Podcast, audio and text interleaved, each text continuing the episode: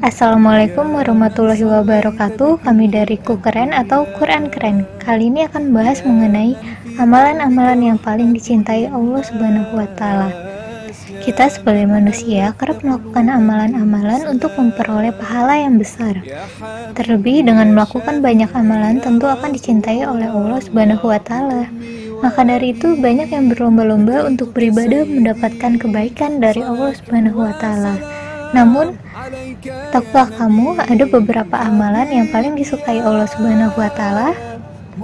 Ya, terdapat tiga amalan yang Allah cintai atau yang paling Allah cintai seperti dalam hadis dari Abu Abdurrahman Abdullah bin Mas'ud radhiyallahu anha beliau bercerita Aku pernah bertanya kepada Nabi Muhammad SAW, amal apa yang paling dicintai Allah Taala?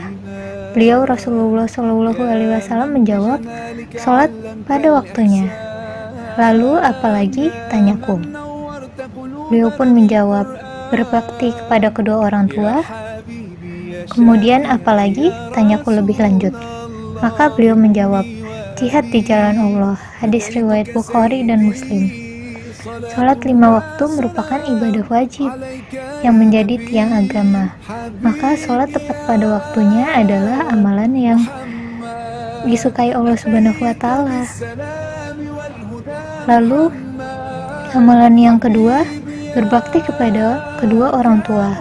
Amalan yang yang satu ini disebutkan juga dalam surat Al-Isra ayat 23 yang artinya dan Tuhanmu telah memerintahkan agar kamu jangan menyembah selain dia dan hendaklah berbuat baik kepada ibu bapak.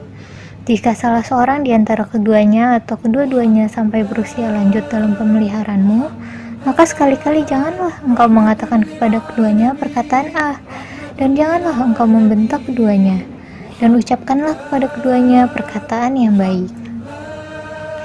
Tidak kalah mulia amalan yang kedua ini, yaitu berbakti kepada kedua orang tua. Terlebih kalau kita durhaka, ajab yang kita terima nantinya tidak hanya di akhirat, tapi juga di dunia kita langsung terkena ajabnya. Lalu amalan yang paling dicintai Allah Subhanahu wa taala ketiga adalah berjihad. Menolong agama Allah Subhanahu wa taala. Bagaimana caranya? Di pada saat ini kita dapat melakukannya dengan menggunakan harta dan nyawa.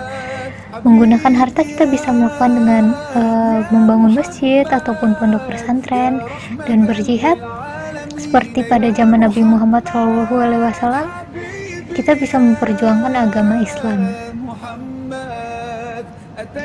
Baik itulah